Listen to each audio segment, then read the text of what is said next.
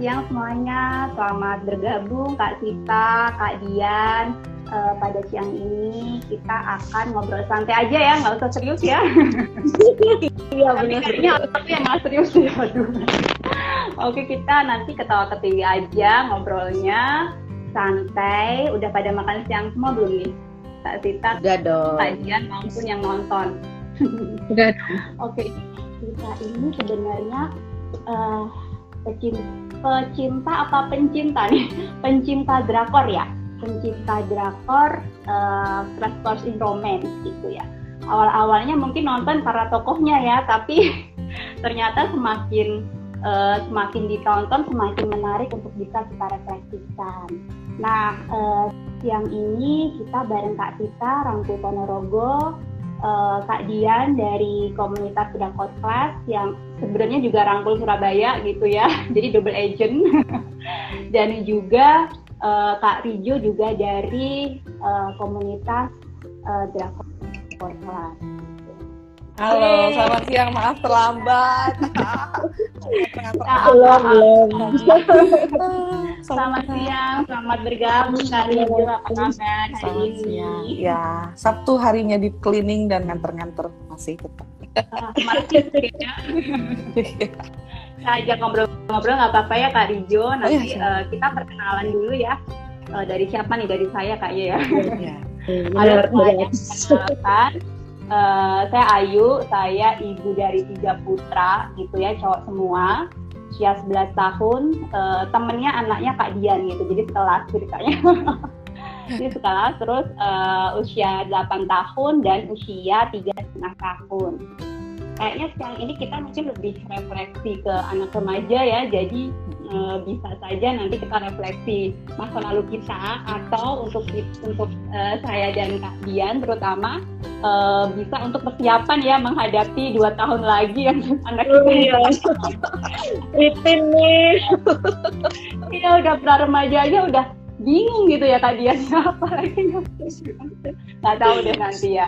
Uh, saya rangkul Sidoarjo. Memang saat ini sedang berdomisili Sidoarjo, tapi mungkin uh, menjadi rangkul nomaden ya, yang akan pindah-pindah juga. Nah, uh, di sini nggak sendiri, ada Kak Sita, Kak uh, Dian, dan Kak Rijo. Silahkan Kak Sita untuk berkenal. Oke, terima kasih Kak Ayu Aan karena Ayunya kalau dirangkul tuh banyak, jadi Kak Ayu ini kita manggilnya Kak Aan gitu ya. Dunia ya nama Ayu ya. Kayak dia. Itu banyak banget. Kayak dia. Uh, salam kenal kakak-kakak dari uh, Drakor Class gitu ya. Uh, saya Sita gitu uh, sehari-hari saya ini um, apa ya? Saya ini adalah bule gitu. bule dari sekitar 30 Oh, sekarang udah tambah. Baru aja uh, apa namanya? keponakannya saya nambah satu jadi 36. Nah, 36 yang keponakan saya Sidoarjo baru aja lahir. Maka uh, apa namanya? seneng banget gitu diajakin diskusi atau ngobrol karena uh, temanya relate banget dan dan keponakan-keponakan saya ini juga dari berbagai macam usia gitu. Dan yang yang udah di usia dewasa gitu ya di usia remaja uh, bayi balita dan kemudian masa-masa uh, SD itu lengkap ada semua gitu di setiap jenjang usia. Jadi insya Allah hari ini dapat belajar banyak dari kakak-kakak Oke, terima kasih Kak Sita, luar biasa ya ponakannya. Baik, selanjutnya uh, Kak siapa dulu nih? Kak Dian ya, Kak Dian, ya, silahkan dari Double Agent. Ya. agent. Ya. Halo, nama saya Dian Kusumawardani. Nah tadi ya, sepertinya nama Dian itu banyak, jadi di masing-masing komunitas mesti ada nama Dian. Jadi saya tuh kalau di rangkul juga ya kadang terus di Jakarta tuh dipanggil Deka. Jadi kan Dian Kusuma Wardani gitu. Double agent double agent katanya. Dan juga di Drakorta juga uh, rangkul Sidoarjo. Hmm, itu saya punya dua orang putih uh, umur 10 dan 7 tadi ya. Yang pertama itu sekelas sama anaknya eh, Kak Ayu dan yang nomor dua kelas 1 SD. Silakan Kak Rijo. Terima kasih Kak Dian, Kak Rijo silahkan. Uh, selamat siang, nama saya Rijo, saya temennya DK di Rekor Kelas. Iya. saya ibu dari tiga orang anak, putri, putra, putri, umur 13, 9, dan 4. Jadi sekarang ini masanya lengkap. Udah remaja, pra remaja, dan balita. Kebayang nggak? Nanti Di rumah. ya. Ya, jadi waktu diajak sama DK untuk sharing-sharing ini eh, nggak lama sih untuk memutuskan oke ayo karena eh, walaupun pengalaman parenting tiap orang tuh berbeda, tiap ibu berbeda, tapi ada satu hal yang sama yang mengiris kita semua. Kita kan semua pengen yang terbaik buat anak-anak dengan semua keterbatasan kita sebagai ibu, sebagai manusia. Jadi untuk proses belajar ini ada banyak pelajaran pengalaman yang semoga bisa bermanfaat buat teman-teman rangkul di sini. Yang eh, untuk dikritisi juga kalau misalnya ada yang keliru kan namanya juga ibu tuh harus buka telinga eh, tahu banyak gitu eh, mendengar banyak belajar banyak. Ya kira-kira gitu aja. Makasih. Oke, terima kasih Kak Rijo. Nanti kita kupas tuntas ya gimana rasanya punya anak tiga dengan berbagai tahapan perkembangan ya. Iya Eh, kita langsung aja ya. eh, kita tuh bahas drakor gitu ya. Bahas drakor Last Course in Romance ini kalau aku awalnya nonton karena ada Kak Choi gitu. Jujur ya, terbuka saya. Tapi ternyata semakin ditonton tuh semakin banyak hal yang bisa kita refleksikan ya kakak-kakak semuanya semakin banyak hal yang bisa kita apa ya eh, ambil gitu ya.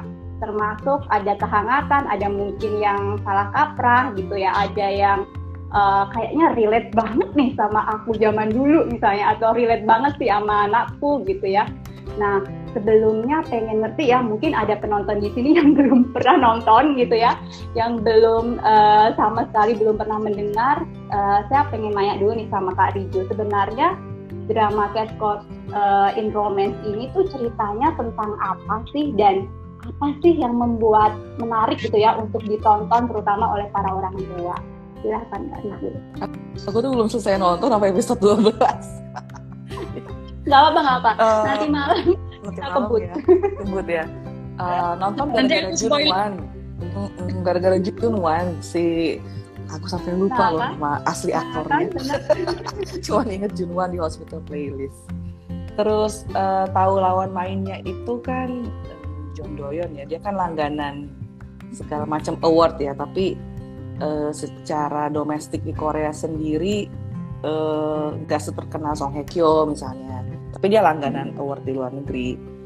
Pas nonton pertama oke matematika. Terus latar belakangnya itu Hakwon Hakwon itu kalau di kita itu bimbel. Tapi sebenarnya dia posisinya sama kuatnya dengan sekolah formal di sana. Jadi pendidikan di Korea itu kan penting banget. Ah, orang tua mendorong anak-anaknya belajar bagus masuk sekolah bagus itu untuk kelangsungan hidup berikutnya karena mereka sangat bergantung sama sistem senioritas. Kalau mereka masuk sekolah yang bagus di mana seniornya itu punya posisi yang bagus di masyarakat, kayak Sky University tuh ya, Seoul University, Korea University sama Yonsei University, mereka beranggapan masa depan anaknya akan lebih lancar gitu. Jadi didoronglah anak-anak ini dipush sekeras-kerasnya supaya bisa masuk ketiga universitas top ini. Kan beda banget kan culture sama kita. Kalau di kita di Indonesia kan sekolah bagus banyak. Kalau misalnya nggak masuk yang ini ada opsi lain gitu loh ya. Kalau di Korea dengan tingkat persaingan dengan culture uh, anak itu adalah tanda petik tiket orang tua untuk kehidupan yang lebih baik kurang lebih itu warisan dari nilai konfusianisme jauh sebelum Korea yang sekarang berdiri jadi sebelum tahun 1900 sebelum penjajahan Jepang dan lain-lain uh, mereka masih memegang kuat prinsip kalau pendidikan itu perlu untuk masa depan yang lebih baik, bukan cuma masa depan anak, tapi keluarga secara keseluruhan. Dengan latar belakang Hakwon, Hakwon itu kalau di bahasa Indonesia kan bimbel, tapi sebenarnya lebih kayak akademi, karena kan kelihatan juga sepanjang dramanya betapa uh, rigid gitu sistemnya. Ada kepala sekolah, ada guru, ada sistem. Kelasnya juga nggak main-main kan. Dan bukan cuma kelas anak SMA yang lagi masih SMA, tapi ada kelas repeater. Kelas anak-anak yang kalau kalau di kita kayak gagal PTN terus harus uh, bimbel dulu supaya coba lagi tahun berikutnya. Uang PTN aduh ketahuan banget angkatan gue. Apa sih namanya SD ya itulah ya tahu lah ya. Ya jadi hakon ini bukan cuman buat anak-anak SMA tapi buat kelas repeater di mana bisa sampai tiga tahun repeater. Udah tiga kali nyoba terus nggak dapet juga. Karena saya punya teman-teman orang Korea di sini yang baru masuk universitas di Seoul terus yang percobaan kedua ketiga gitu saking pengennya ke Seoul ke ibu kota ke pusat segala macam. Jadi melihat sepak terjangnya si Ceciol ini menarik sih sebagai guru bimbel yang dia star teacher gitu. Jadi panutan terus sepak terjangnya juga dipantau sama ibu-ibu di forum apa namanya mamsky.net ya? Atau skymom.net itulah ya dan Korea sebagai IT powerhouse mereka melabel diri sendiri sebagai uh, eh, IT powerhouse tuh pertukaran informasi kan terlalu cepet ya. Uh, baru kejadian apa di tempat ini udah ketahuan di tempat lain. Mereka tuh sangat ini sama HP sangat tech savvy gitu dengan gadget. Dan uh, pendapat orang tuh sangat didengar komentar orang tuh sangat dibacain. Makanya si Cecil suka liatin aduh gue dikomentarin apa? Itu berpengaruh banget sama penilaian orang uh, terus begitu mulai ada terjadi skandal segala macam aku udah yang ah oke okay lah gimana kita lihat bisa selamat kali ini. Soalnya tekanan sosialnya terlalu besar gitu. Itu dari porsi latar belakangnya menarik karena belum ada drama yang seperti ini sepertinya. Yang sejauh aku tonton ya. Kalau ini ada Alienda nih ini penonton Omnivora nih lebih banyak lagi cakupan genre yang mungkin bisa komen. Kalau untuk segi romansnya sih no comment ya soalnya kurang serak akutnya jadi kalau dari sisi latar belakang cerita dan karakternya sih menarik. Perlu ditonton karena sebagai orang tua sih sebenarnya ada dua pertanyaan kalau menyangkut pendidikan anak. Pertama kita pengen kita melihat kehidupan anak kita itu sebagai kesempatan kedua dari kehidupan kita kah? Misalnya nih ya waktu kecil saya nggak ada kesempatan untuk belajar piano. Terus saya melihat anak saya sekarang saya push untuk belajar piano karena saya dulu nggak punya kesempatan itu kita melihat hidup dia tuh sebagai hidup kita yang di rewind dengan kesempatan yang lebih baik kah? Atau yang kedua, kita memang membuka kesempatan seluas-luasnya ke dia dengan kemampuan kita supaya dia memilih jalannya sendiri. Itu aja sih. Karena dari drama ini kita bisa melihat dua tipe orang tua ini. Tipe mamanya si Sonje yang uh, pengacara itu yang push anaknya sampai sengaja bohong bilang anaknya di luar negeri karena gagal tes mana-mana terus ada lagi yang model mamanya Hei yang ya gue dukung semampu gue tapi jalan lu sendiri lu juga usaha gitu kurang lebih. Aduh, udah kepanjangan ya maaf ya. Menarik sih. Ya, ini spill ya buat yang uh, belum nonton ya Kak Dijo ya. Ya, ya. kalau menurut uh, Kak Dian sendiri kenapa sih tertarik gitu ya uh, untuk nonton. Jangan jangan jawab lagi karena Pak Coy ya. Karena itu.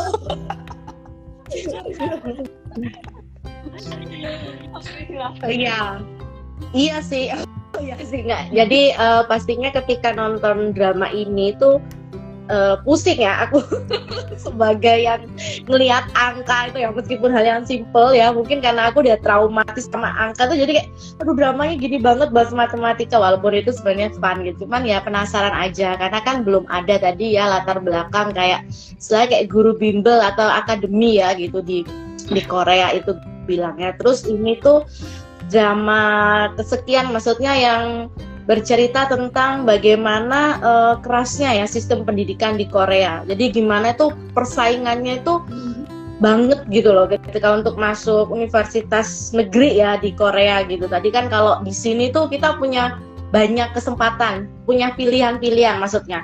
Mau masuk universitas negeri itu ada yang tes ya, yang perjuangan mati-matian tes atau kita pakai yang sekarang tuh pakai portfolio ya, prestasi bisa atau pakai jalur mandiri yang lebih uh, kesempatannya lebih luas asal kita punya dana yang lebih besar gitu kan. Kalau di sini kan kayaknya ada alternatif alternatif itu, tapi kayaknya di Korea itu nggak ada. Jadi ya benar-benar kayak seleksi kalau aku dulu namanya SPMB gitu ya seleksi bersama. Cuman itu kesempatannya dan kamu bersaing dengan banyak orang. Makanya orang tua itu mati-matian untuk itu. Dan memang di nggak bisa dipungkiri kalau selain di sekolah anak itu butuh bimbel misalnya gitu. Ini juga relate ya aku kan juga guru bimbel gitu. Jadi kayak, kayak gimana gitu gimana? Iya awalnya tuh nontonnya kita agak agak lumayan kan yang ada adegan yang guru sekolah kan ya guru sekolah matematika tuh merasa kok kayak diabaikan gitu ya sama siswanya. Kok siswanya ini lebih sering seneng ngerjain tugasnya guru bimbel gitu. Karena memang bimbel dan sekolah itu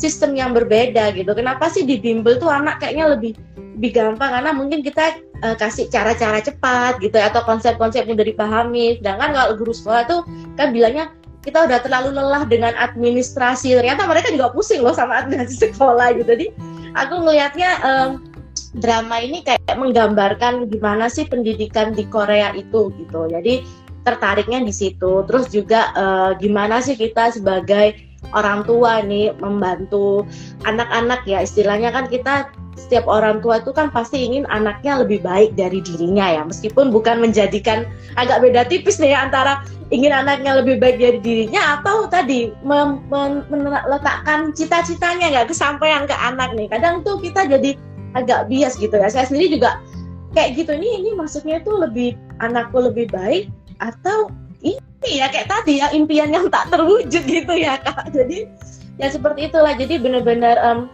dari sisi pendidikan dan parentingnya sih untuk uh, drama ini. Terus soal ini kan tetap aja ini genrenya romcom ya, mau nggak mau kan kita juga ada romesnya ya. Memang sama sih kayaknya kurang kurang gitu ya karena kalau secara ini ya secara tampilan luar itu kok kayaknya kurang pas gitu ya uh, lead female-nya ini sama si Pak Choi cuman lucu aja sih apa romansnya itu kan ada apa komedinya juga emang romcomnya kayak gitu. Gitu sih alasan tertariknya gitu.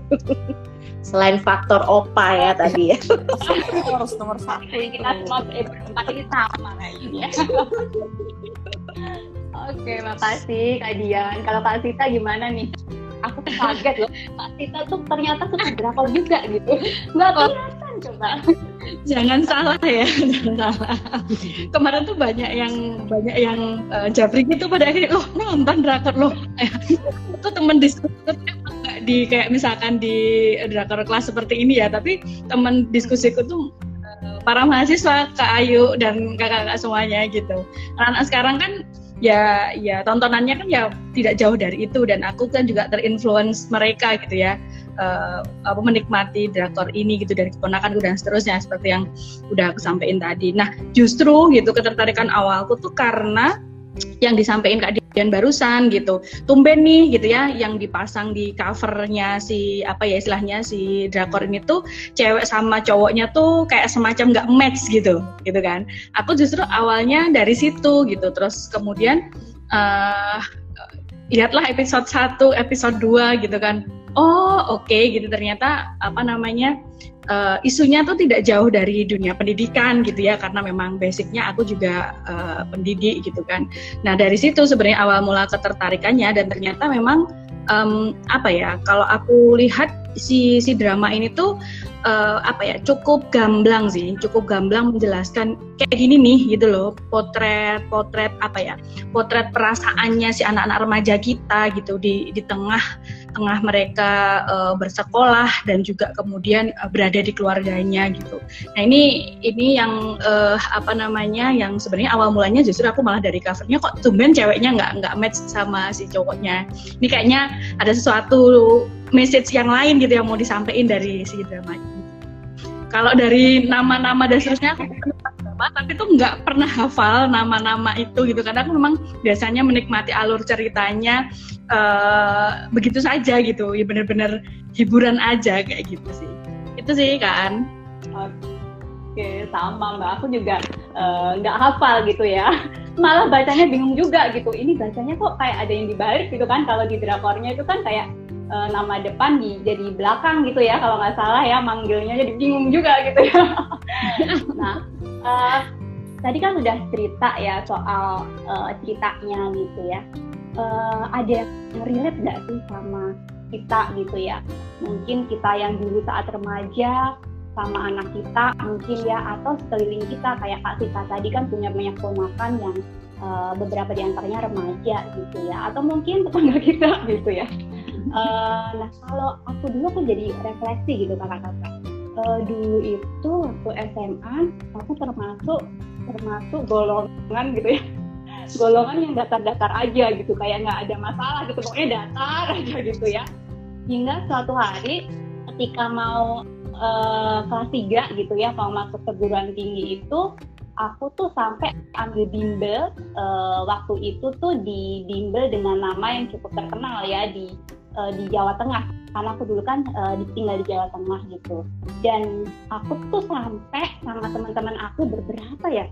Uh, banyak lah ya Jogja untuk ambil bimbel itu demi masuk perguruan tinggi gitu. Tapi sebenarnya kalau dipikir-pikir ya awalnya itu niatnya mungkin untuk oke okay lah belajar gitu ya. Pokoknya FOMO lah teman-teman ikut itu ya udah aku ikut gitu ya. Jadi lebih lebih ke FOMO itu tapi ternyata sama teman-teman itu lebih lebih menikmati gitu dibanding dengan proses belajarnya gitu. Rame-ramenya itu terus kemudian e, merasa senasib sepenanggungan nah, e, dan itu yang kurasakan sih dan orang tuaku juga e, kalau dulu waktu SD mungkin tipe-tipe yang uh, nilai dan ranking. Dulu zaman kita kan masih ranking ya, jadi ayo kamu di bukan di push sih, didorong gitu ya. Bahkan mungkin dulu tuh uh, orang tua saya iming-iming gitu ya. Ayo kalau kamu bisa tiga besar gitu ya, kamu bisa dapat ini A B C gitu ya. Jadinya semangatnya karena itu kan, bukan karena motivasi internal gitu. Nah tapi semakin besar orang, uh, aku tuh merasa orang tua aku itu ngebiarin uh, aku untuk uh, ya bukan bebas sih ya. Jadi mereka tuh kayak lebih percaya aku gitu. Percaya aku karena uh, mungkin dibanding banding dibanding adik-adikku aku tuh terlihat rajin. Terlihat ya kakak-kakak terlihat lebih rajin gitu ya. Jadi oleh karena itu orang tua aku tuh lebih ya udah deh biarin. Jadi kalau mau ikut bimbingan ya udah didukung aja nggak apa-apa ayo gitu kan uh, silahkan aja gitu. Jadi lebih lebih percayanya ke situ gitu ya. Jadi uh, karena permintaanku itu jadi atas dasar permintaanku bukan permintaan orang tua usianya itu gitu. Nah ini sama halnya dengan yang dialami si siapa? Uh, Namhe ya. Jadi awalnya kan mungkin dia merasa ya udah deh nggak perlu apa namanya ikut bimbel gitu ya. Tapi lama kelamaan kok dia ngerasa uh, apa namanya terkait nilai ya uh, dia ngerasa nggak bisa sendiri akhirnya ikut uh, teman-temannya mendaftar di uh, bimbel gitu. Nah kalau menurut uh, Kak Rijo gimana? Ada yang relate juga nggak?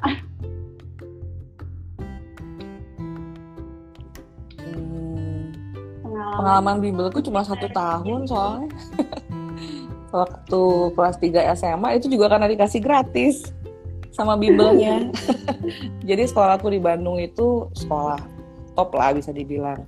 Uh, si bimbel ini kasih gratis dari semua sekolahku supaya nanti kalau pada lulus PTN dia bisa pajang di koran kelas di gua gitu gitu oh, iya. taktiknya iya. jadi kalau dibilang pengalaman bimbel kayak yang di digambarkan di drakor ini sih ya cuma mengalami setahun dan waktu itu memang fokus belajar uh, gini sih uh, papa mamaku tuh selalu bilang jangan melakukan sesuatu yang akan membuatmu menyesal nanti. Aku tahu kalau misalnya SMA nggak masuk perguruan tinggi negeri, otomatis nggak kuliah karena swasta terlalu mahal waktu itu. Dengan orang tua pegawai negeri nggak mampu lah. Ya udah, jadi harus digeber dengan motivasi sendiri. Uh, dan dan nggak inget juga gimana dulu sama sama temen uh, belajar gitu enggak bener-bener fokus sendiri. Nggak mau nyesel masa depan saya ini gitu ya. Yang apa namanya uh, yang lihat uh, relate sih yang itu kan ada mockup text kan kalau di dramanya. Jadi kayak try out sebenarnya terus mereka tuh sangat mementingkan CSAT CSAT kalau di kita itu kayak zaman saya dulu tuh kayak Eptanas gimana punya nilai kelulusan yang pas baru ke universitas masing-masing. Itu kan tes masing-masing. Tapi dilihat juga si Eptanas ini si CSAT ini. Baru nanti ada nulis esai lagi kenapa mau masuk itu bla bla bla. Semacam perpaduan timur dan barat sih dengan Amerika. Uh, sedangkan si Sky University itu Yonsei itu swasta. Jadi dia bukan negeri tapi Seoul University sama Korea University uh, mereka bertiga adalah yang tertua semua cendekiawan Korea Selatan dari situ lahirnya kurang lebih makanya sangat dituju sama orang-orang lagi-lagi sih sebenarnya dari remaja ini kita pengen mereka menemukan motivasinya sendiri. Orang tua kan terbatas, orang tua kehadirannya terbatas, didengarnya juga terbatas.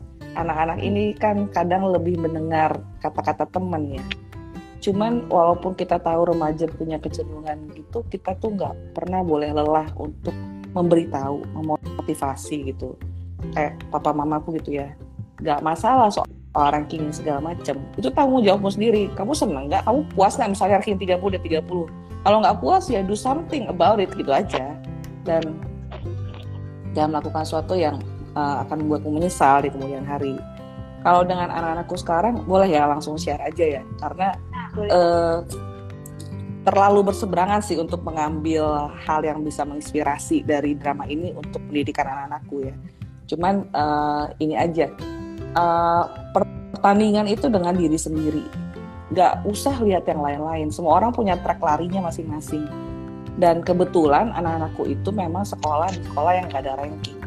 Mereka tuh benar-benar melihat kemampuan sendiri. Misalnya nih, hari ini dia ulangan matematika dapat 60. Kita akan lihat sama-sama 60 kamu nggak ngerti di mana. Mindsetnya adalah 100 itu ngerti. Kurang dari itu berarti kamu ada yang belum ngerti gitu bukan karena yang lainnya dapat 90 saya 60 terus saya ada yang kurang bukan gitu tapi karena kamu udah ngerti nggak gitu e, untuk setiap pelajaran begitu akhirnya untuk setiap rapotan pun akan kami lihat oh kamu masih 90 dari 100 berarti ada yang ada gapnya di mana kita bisa isi apa yang kita perlu improve ke situ. Menurutku sih untuk tetap waras di tengah Eh, era media sosial kita banyak melihat parenting orang lain dan lain-lain. Punya prinsip bahwa pertandingan itu adalah dengan dirimu sendiri itu penting kalau buat aku buat pendidikan anak. Supaya dia nggak pusing dengan yang lain-lain. Dia nggak usah rempong dengan orang lain dapat apa saya apa bukan. Itu sudah terbaikmu nggak? Hari ini itu aja kan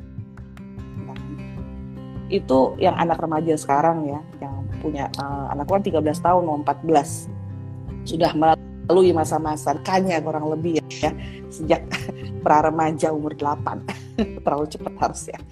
E, cuman itu waktu konsisten kita bilang mengenai pertandingan dengan diri sendiri e, bagaimana mengupayakan yang terbaik itu buahnya manis waktu di masa-masa dia akan menjelang SMA kayak gini. Di mana dia udah nggak pusing lagi dengan sekitar dia benar-benar fokus studiku ini karena aku pengen mencapai ini. Karena anak sekarang juga kan cepat taunya maunya jadi apa ya kan? Karena mereka punya banyak sekali sumber informasi kayak anakku tuh pengen jadi desainer untuk fashion. Kenapa? Karena dia udah dapat informasi dia cari tahu sendiri. Nggak usah dikasih tahu sama mamanya juga dia cari tahu. Bahkan udah install apps sendiri oh ini caranya ini appsnya buat belajar gambar baju gitu gitu nah di tengah anak-anak yang di era yang beda banget sama kita kita juga mesti bisa menemani. Kita juga perlu tahu banyak belajar banyak. Jangan uh, apa namanya ragu untuk ajak ngobrol apa yang kamu perlu segala macam. Kayak uh, tantenya si Hei si Nam Hesong Nam Hesong aja.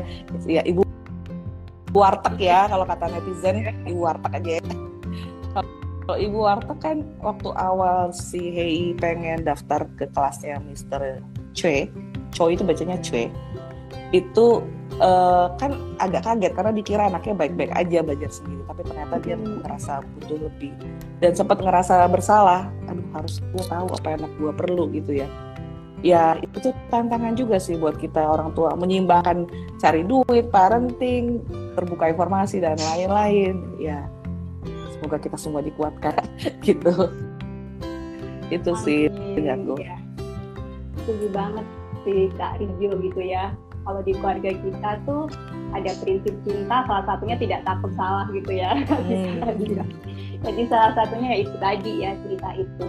Dan setuju banget kalau terkait nilai ya apalagi mungkin sekarang apalagi dengan kurikulum merdeka gitu ya yang menjadi uh, satu hal yang lebih diperhatikan adalah bukan lagi nilai tapi terkait kompetensi.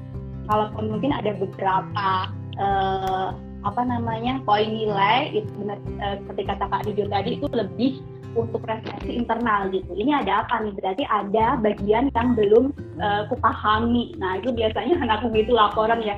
Uh, Oke, okay, bagian mana kita ngobrol? Oke, okay, bagian mana yang belum kamu pahami? Oh ternyata bagian ini. Uh, kita cek lagi yuk materinya gitu. Kita ulang lagi. Nah lebih seperti itu ya. Jadi lebih ke refleksi internalnya. Kalau Kak Dian gimana? Ada yang relate nggak nih? Nggak harus terkait bimbel gitu ya tapi boleh terkait uh, positivitas bagi orang tua gitu ya atau uh, ada hal-hal lain yang relate gitu. Iya, kalau yang real itu kalau refleksi aku dulu memang uh, orang tua itu lebih percaya ya untungnya untuk uh, pilihan belajar. Cuman uh, yang menarik itu dulu pengalaman kelas 2 SMA dulu kan penjurusan tuh kelas 3 ya nah itu aku ketika rapotan itu guruku sama sama mamaku itu kayak berdebat gitu loh untuk uh, saya ini naiknya ke kelas IPA atau IPS gitu. Nah, do itu kan di di zaman kita kayak gitu. Nah, berhubung dari awal tuh orang tua itu udah percaya yang sekolah ini anak saya, yang menjalani anak saya. Jadi orang tua aku itu kayak ya, ya kayak anaknya aja bu ditanya kan. Kebetulan selain selain keinginan dia juga kemampuan. Nah kebetulan itu nggak beda-beda jauh gitu. Cuman kan aku sendiri itu udah udah ampun tuh ya pelajaran ekstra. Jadi kan boleh milih ya aku mau IPS jadi sampai guru gitu jangan kasihan. Nanti uh, nanti kalau IPA itu nanti dia gampang loh. Kalau mau kuliah apa aja. Ya seperti itulah pandangan-pandangan. Itu yang aku pengalamanku ya tapi untungnya orang tua itu membebaskan gitu tidak memaksakan gitu. Itu juga sebenarnya juga relate juga ya dengan pilihan belajar anak gitu ya. Anak kayak tadi ya apa sih anak yang minatnya tadi ya? Kalau anaknya Kak Rijo kan udah ini ya kayaknya udah fokus dia udah mungkin secara usia juga ya tahapannya udah fokus nih mau ke ini gitu. Nah kadang-kadang kan juga seperti itu ya seperti di drakor ini kan ada juga anak yang ini siapa namanya yang kelihatan emang ambis gitu ya. Dia tuh emang pengen gitu dapat nilai terbaik yang apa apa kalau itu dari anaknya kan orang tua mendukung gitu ya. Atau ada yang namhi ini yang sebenarnya awalnya nggak pengen tapi terus pengen gitu. Jadi refleksiku sekarang tuh seperti itu mencoba uh, apa ya memberikan pilihan kebebasan kepada anak. Meskipun kalau masih usia 10 tahun ini kan belum tahu ya secara pasti tugas kita itu kan kayak memfasilitasi gitu ya. Dia itu mau mau belajar apa belajar apa.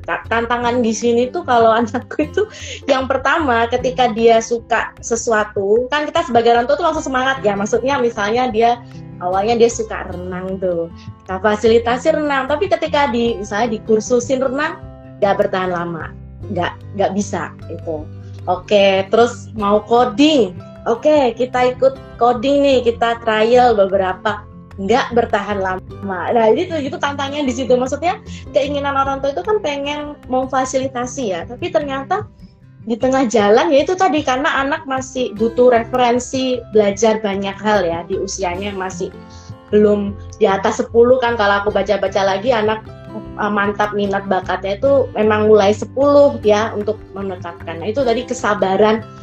Parenting itu butuh tadi ya kesabaran terus nggak bisa apa ya memasakkan gitu kan. Misalnya lu tapi namanya suka coding ini udah terusin kursus gitu. Awal seperti itu ya mungkin seperti itu. Tapi ternyata kita balik lagi oh mungkin ini fase explore. Jadi sebagai orang tua tadi kita mendengarkan memfasilitasi ketika anak uh, ingin bantuan apa kita bantu. Misalnya memang dia butuh tutor ya misalnya dia butuh belajar lebih gitu. Jadi uh, lebih ke arah ini sih memberikan kebebasan tapi juga bertanggung jawab gitu ya misalnya. Kayak untungnya masih itu yang trial trial jadi yuk selesaikan dulu nih trialnya gitu. Nah kemudian baru yang ini tuh um, yang mapan nih kayak anakku ini lagi senang-senang belajar bahasa Jepang. Nah, ini yang agak lama ini. Kayaknya ini yang agak lama dibandingkan yang sebelum-sebelum. Memang harus harus sabar. Uh, jadi memang untuk membantu itu nggak boleh terburu-buru gitu kan. Kadang aku juga merasa ini anak gimana sih katanya suka tapi giliran di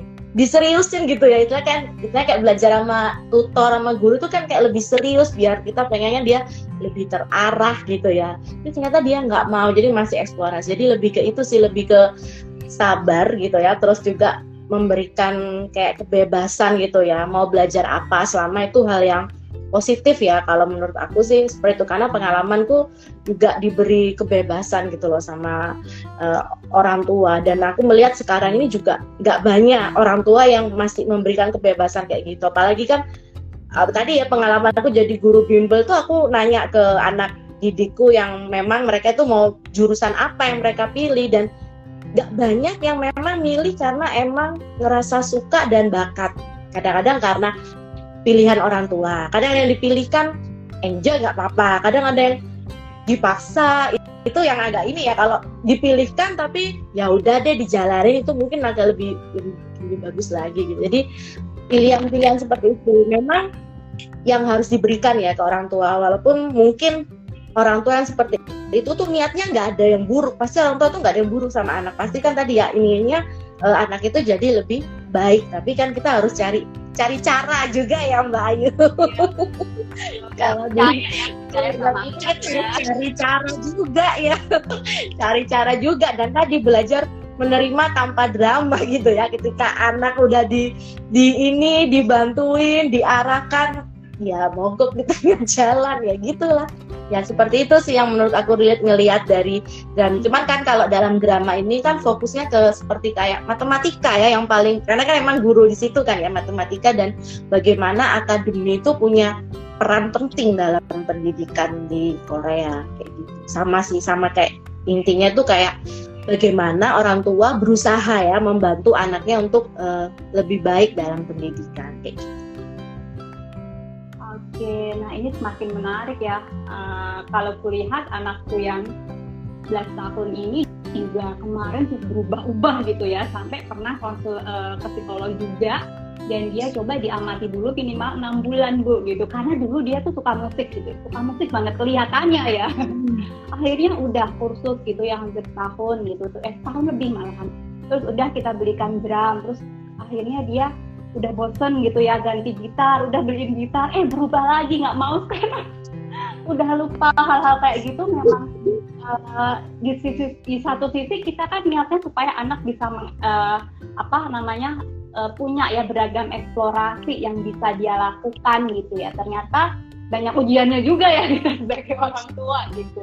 Nah kalau menurut Kak Sita sendiri gimana nih Kak uh, terkait apa tadi kan sudah refleksi gitu ya. Sudah refleksi terus banyak yang relate juga uh, terus kemudian kalau menurut Kak Sita sendiri uh, apa sih yang bikin apa namanya drakor ini gitu? Isinya apakah ada kehangatan gitu ya? Apakah banyak yang salah kaprah gitu ya? Gimana Kak Sita?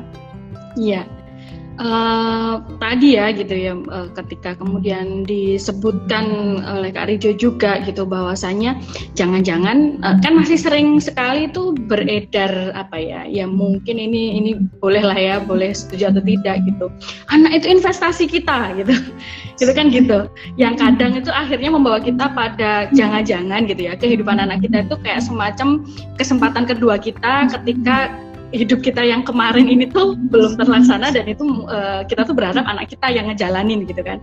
Ini kan kalau kemudian kita mindsetnya ke investasi gitu bisa jadi tuh jadi kayak gitu gitu loh. Terus kemudian juga tadi gitu ya oh, investasi nih gitu uh, fasilitas sebaik-baiknya gitu misalkan itu juga akan akan kitanya sendiri jadi capek sendiri lah ibaratnya jadi apa namanya uh, sebagai orang tua kan uh, udah uh, diberi fasilitas ini itu dan seterusnya. Tapi maksudku gini, di di drama ini tuh kita tuh disajikan dua sisi yang menurutku cukup jelas sih. Mana yang kemudian uh, salah kaprah itu akan mengantarkan ke ternyata kan di episode yang paling terakhir ini kan kayaknya si Pak Ji, aku nggak tahu bacanya gimana ya, asistennya iya. Mr. Choi itu kan, uh, itu kan itu kan dia ternyata punya dinamikanya sendiri juga gitu, uh, yang kemudian pada akhirnya pada akhirnya uh, apa ya mungkin ini kayak semacam jadi kartu as dari atau anti klimaks dari si drama ini gitu ya. Pada akhirnya kita disajikan gitu betapa masing-masing dari kita gitu ya entah itu sebagai orang tua atau anak itu tuh uh, terus terang berada pada posisi saat ini tuh melalui sebuah perjalanan panjang Nah, perjalanan panjang inilah gitu yang yang membawa kita pada uh, posisi saat ini atau pribadi anak-anak kita saat ini. Dan ini tuh rentan sekali uh, terjadi di anak-anak remaja ini kan itu tadi gitu. Masa-masa di mana dia masih mau memantapkan dirinya tuh mau mengambil jalan yang mana seperti itu. Nah, itu uh, perlu banget cari cara gitu ya yang nggak boleh habis sabarnya seperti yang disampaikan kalian tadi. Dan itu tuh disajikan dengan apik dan sederhana gitu menurutku dari keluarganya si Nampi sekarang ini sama si uh, bibinya ini gitu kan. Apa kemudian cukup sederhana gitu. Misalkan mereka punya rutinitas keluarga apa tuh dia menonton film dokumenternya Tiger ya kalau nggak salah ya. Sama makan uh, ayam crispy ayam. apa sih? Hari ayam. Hari ayam ya. Iya. Ini kan unik banget ya keluarga ini kan uh, ada anak berkebutuhan khusus gitu ya adiknya si uh, bibinya Hai ini terus kemudian uh, si uh, pemeran utamanya sendiri juga gitu. Tapi dari hal-hal sederhana itu pada akhirnya itu yang yang kemudian mengantarkan satu sama saling memahami gitu. Dan uh, tahu kalau kemudian si bibinya ini bekerja keras untuk dia pengorbanannya dan seterusnya. Terus kemudian juga uh, si bibinya ini jadi tahu gitu kebutuhannya. Ternyata dia butuh tambahan dukungan uh, materi untuk pembelajarannya terus uh, bagaimana ketika misalkan salah satu uh, butuh bantuan terus kemudian uh, menghandle dulu gitu ya. Bahkan ini kan apa ya, menurutku lengkap banget gitu di di keluarganya. Hei disajikan betapa ada hal-hal kecil yang lebih lebih fondasi yang bisa dijadikan sebagai keterikatan satu sama lain. Dan itu tuh penting uh, bagi remaja kita Walaupun di sisi lain yang tidak kalah penting adalah bagaimana remaja kita ini juga uh, berinteraksi dengan uh, apa namanya peersnya atau teman sebayanya gitu kan. Di sana dia juga akan banyak banget uh, belajar value dari keluarga lain juga gitu kan. Gimana saling bantunya dan seterusnya. Gimana kalau di keluarga yang sana ternyata uh, belum apa namanya belum apa ya uh, si keluarga yang pengacara ini yang Sung Jae ini kan kasihan banget gitu kan. Uh, kalau bisa dilihat kan itu nyata banget gitu. Anak itu ya tugasnya hanya belajar gitu. Padahal anak kita ini bukan mesin gitu kan yang menjadi nantinya itu sebagai investasi atau sebagai penghasil uh, uang yang akan menghidupi keluarganya kelak. Misalnya seperti itu. Jadi um, dari dari beberapa contoh posting yang disajikan di drama Korea ini.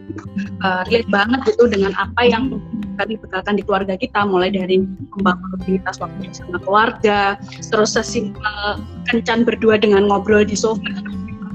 Si uh, apa namanya si Hai sama bibinya itu di sofa berdua. Satu ketika hadapi uh, masa sulit terus kemudian pengen ditemani mereka bisa tidur bersama. Kan ada scene di mana sih aduh spoiler beneran ya ini ya? Nggak apa ya.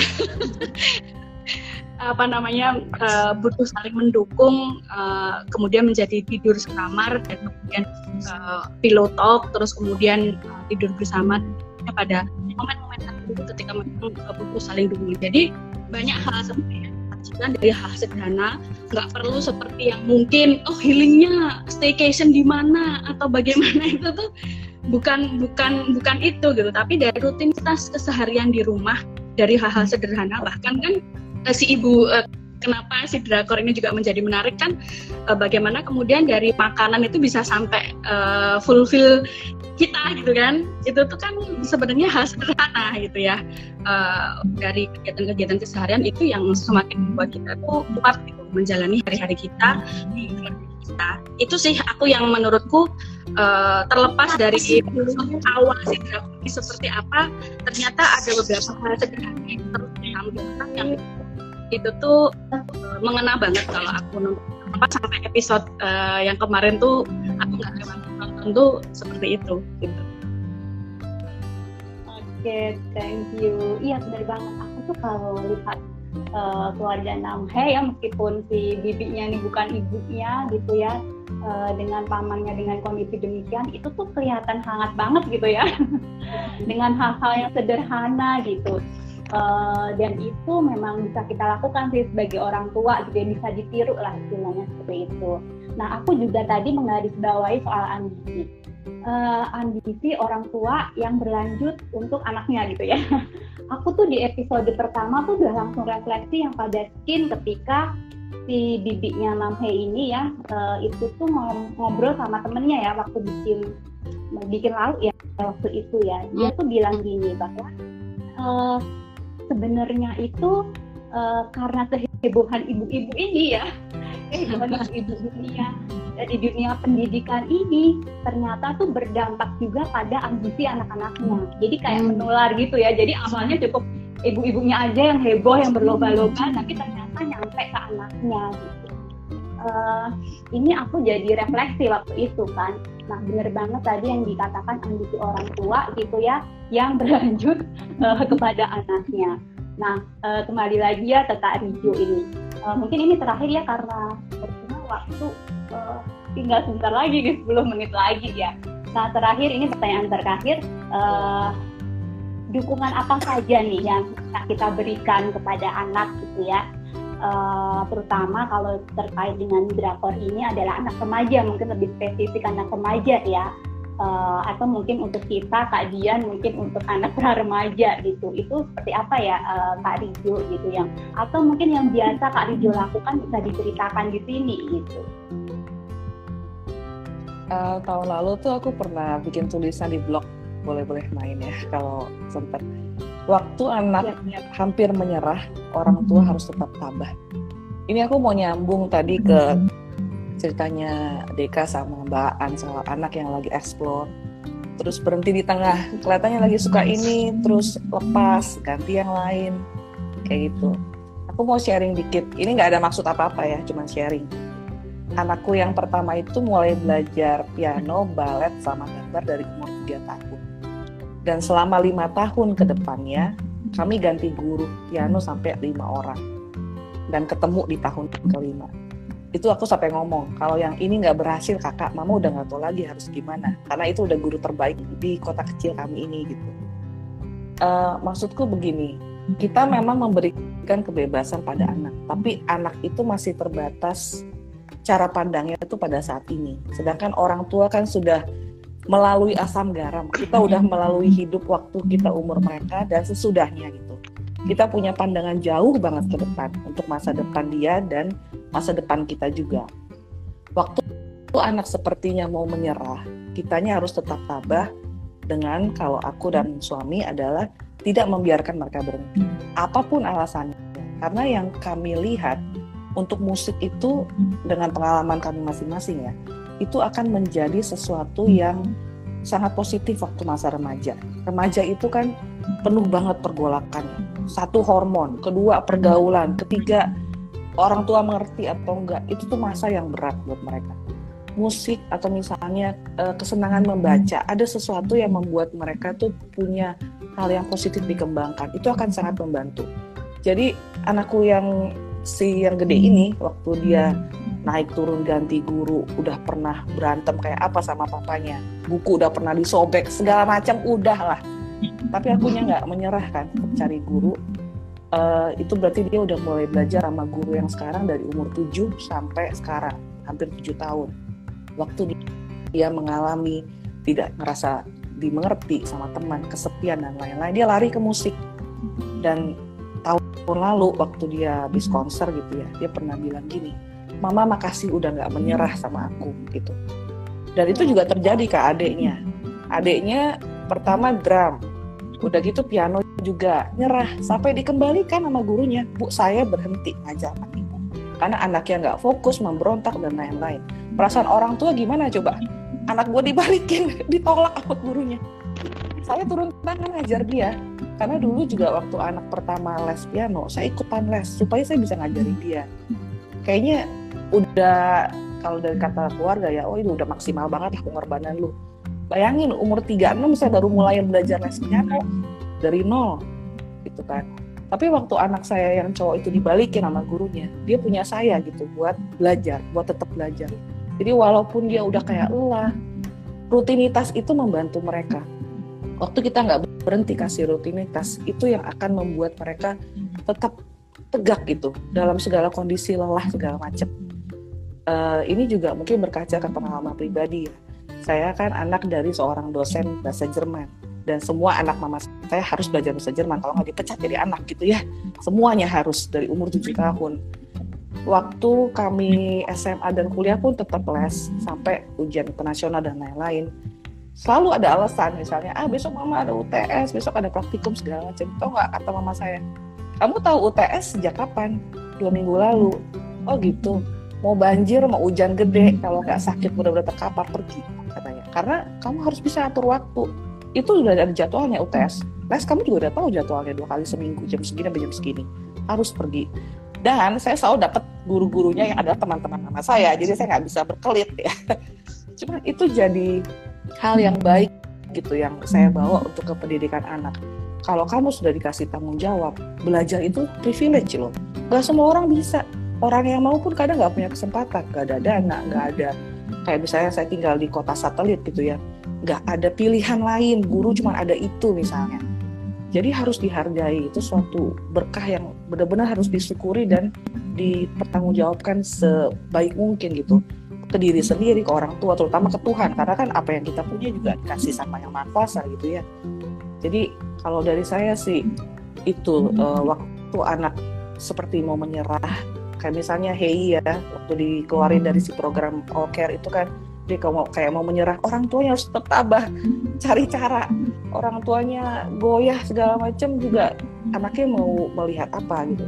Terus aku juga ngelihat orang tuanya Sonje yang ibu pengacara sama uh, ibunya Sua yang aduh benar-benar bikin kita mengelus dada ya ada orang tua kayak begitu. Tapi ada. Ada. Banyak. ya kita melihat anak-anaknya seperti rela juga sebenarnya bekerja kelas dan punya ambisi karena kita lihat Sunje lihat orang tuanya punya karir dan bisa tinggal di apartemen sebagus itu itu kan anak kerja keras juga jadi saya lihat anaknya itu nggak keberatan karena dia melihat kalau dia bekerja baik-baik, kerja keras, masuk universitas bagus, dia akan mempunyai kehidupan yang kurang lebih mirip kan. Sedangkan si Sua ini tertular ambisi ibunya. Kita juga ini jadi refleksi ya. Kalau kita misalnya ada ketidaksetujuan sama guru segala macam, jangan sampai anak denger. itu benar-benar harus didiskusikan internal orang dewasa karena mereka bisa salah nangkep dan salah bereaksi gitu ya. Cuman Iya, drama ini setelah 11 episode yang saya baru tonton emang banyak banget yang bisa diobrolin sih. Uh, mungkin apa namanya uh, yang ikutan IG Live ini bisa nonton menarik menarik dari terlepas dari segi romansnya ini tentang kehidupan yang kita tahu tapi nggak pernah pengen tahu lebih banyak dan begitu tahu kita yang kuat gitu ya tapi oh iya benar juga kayak gitu sangat direkomendasikan ya udah Terima kasih untuk kesempatannya. Terima kasih. Jadi ada dua hal yang aku bisa ambil tadi ya menerima tanpa drama ya. Jadi kalau sudah uh, menerima tanpa drama berarti menerima anak dalam situasi apa pun ya. Tidak hanya saat bahagia tapi ketika anak juga mengalami kesulitan atau tantangan gitu. Dan yang kedua yang bisa aku soroti adalah uh, cara berkomunikasi gitu ya dengan berbagi pengalaman menceritakan pengalaman terdahulu kita tuh uh, gimana gitu kayak tadi. Oh, dulu tuh eh, nggak uh, nggak segampang misalnya dulu uh, bunda atau ibu gini loh gitu yang hampir sama dengan apa yang mau kita obrolin dengan anak. Nah terakhir nih kak kita sama kak di kak dia nih apa sih uh, dukungan yang bisa kita berikan gitu ya kepada anak. Eh, nggak uh, harus ada kaitannya dengan drakor ini dia nggak apa-apa gitu ya. Tapi tentunya uh, bisa nyambung dengan kondisi atau kebutuhan anak-anak kita sekarang. Silahkan uh, Dian.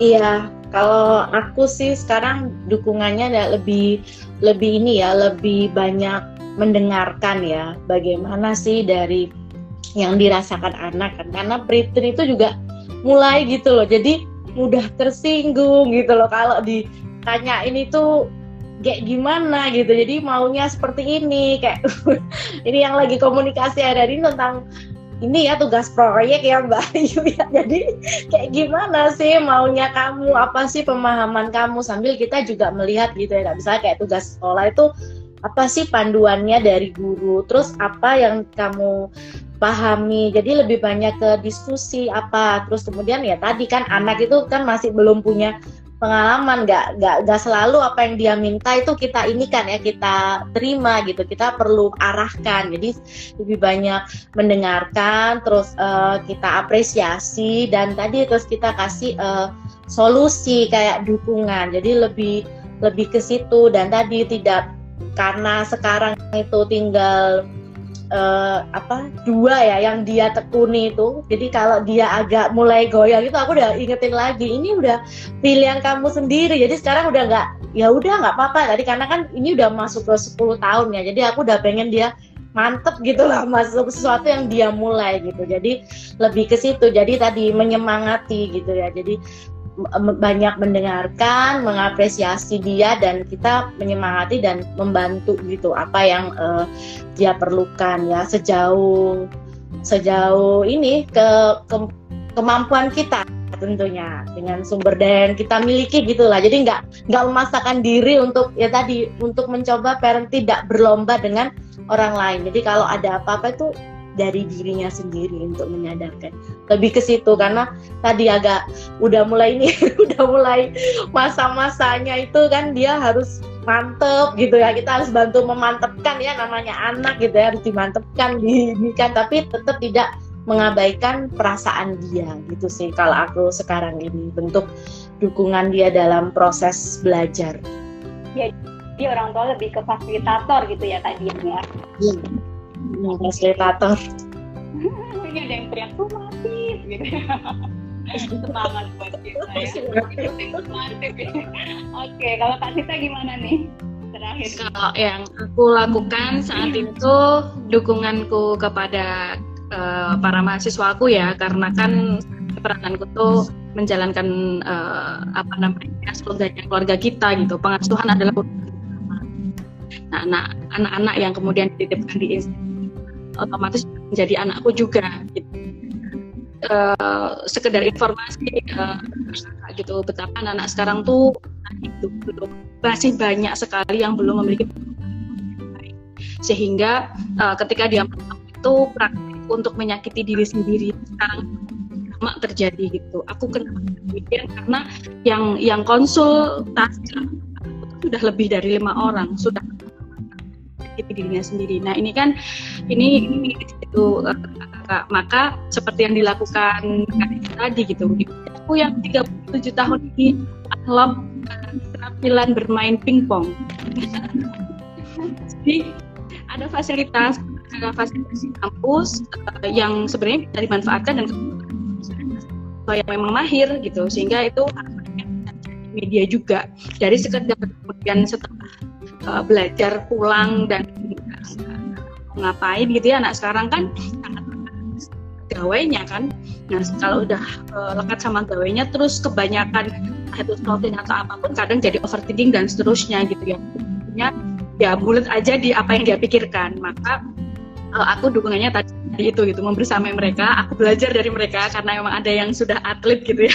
Ada yang udah sampai ke tingkat provinsi. Ayo aku diajarin gitu. Jadi praktik semua semua juga gitu. Aku diajarin pingpong gitu. Jadi ini sedang merutinkan gitu. Sedang merutinkan uh, tadi gitu. Seperti yang dibilang Yo bahwasanya uh, kalau anak kita itu sudah dalam tanda kutip mulai menyerah gitu ya. Kitanya sendiri tuh nggak boleh menyerah gitu. Salah satunya uh, tadi gitu dengan rutinitas yang baik yang selalu didukung di, di selalu dihidupkan kita akan uh, mengantarkan kepada disiplin positif. Motivasinya itu jadi dari internal itu kan kan di keluarga kita itu rutinitas itu adalah awal mula dari disiplin uh, harapannya itu sih gitu dari hal kecil yang mungkin saat ini sedang aku upayakan dengan uh, berlatih pingpong gitu aku juga jadi sehat gitu ya di tengah-tengah uh, apa menyiapkan materi atau apa pun gitu kegiatan itu sebagai pendidik. Uh, adalah harapannya tadi itu bisa bisa mempersamai dan lebih ngerti lagi kan uh, tadi itu itu kak Oke, terima kasih Kak Tita, Kak Dian, dan Kak Rijo uh, atas obrolan-obrolan serunya. Kayaknya masih kurang ya ngobrolnya ya. Jadi untuk teman-teman yang bergabung di sini, uh, silahkan kalau pengen ngobrol lebih lanjut lagi, ikuti sesi-sesi keluarga kita. Jadwalnya bisa dilihat di app Rangkul Keluarga Kita. Di situ banyak materi uh, untuk orang tua dan uniknya uh, bukan menyampaikan secara uh, satu arah ya, tapi orang tua juga juga bisa belajar satu sama lain melalui cerita, melalui refleksi dan bikin rencana Nah, uh, sekian obrolan seru siang ini. Uh, kapan-kapan kita kolaborasi lagi ya Kak Rizio iya. kalian gitu dengan drakor yang lebih seru lagi gitu ya. Iya. Kita nanti janjian nonton drakor apa terus kita kupas kupas tuntas lagi, oke? Okay? Sip, boleh. Oke. Okay. Terima kasih semuanya ya. Selamat siang. Terima kasih Kak. Terima kasih Kak. Terima kasih Kak. Sampai ketemu. Selamat siang. Terima kasih.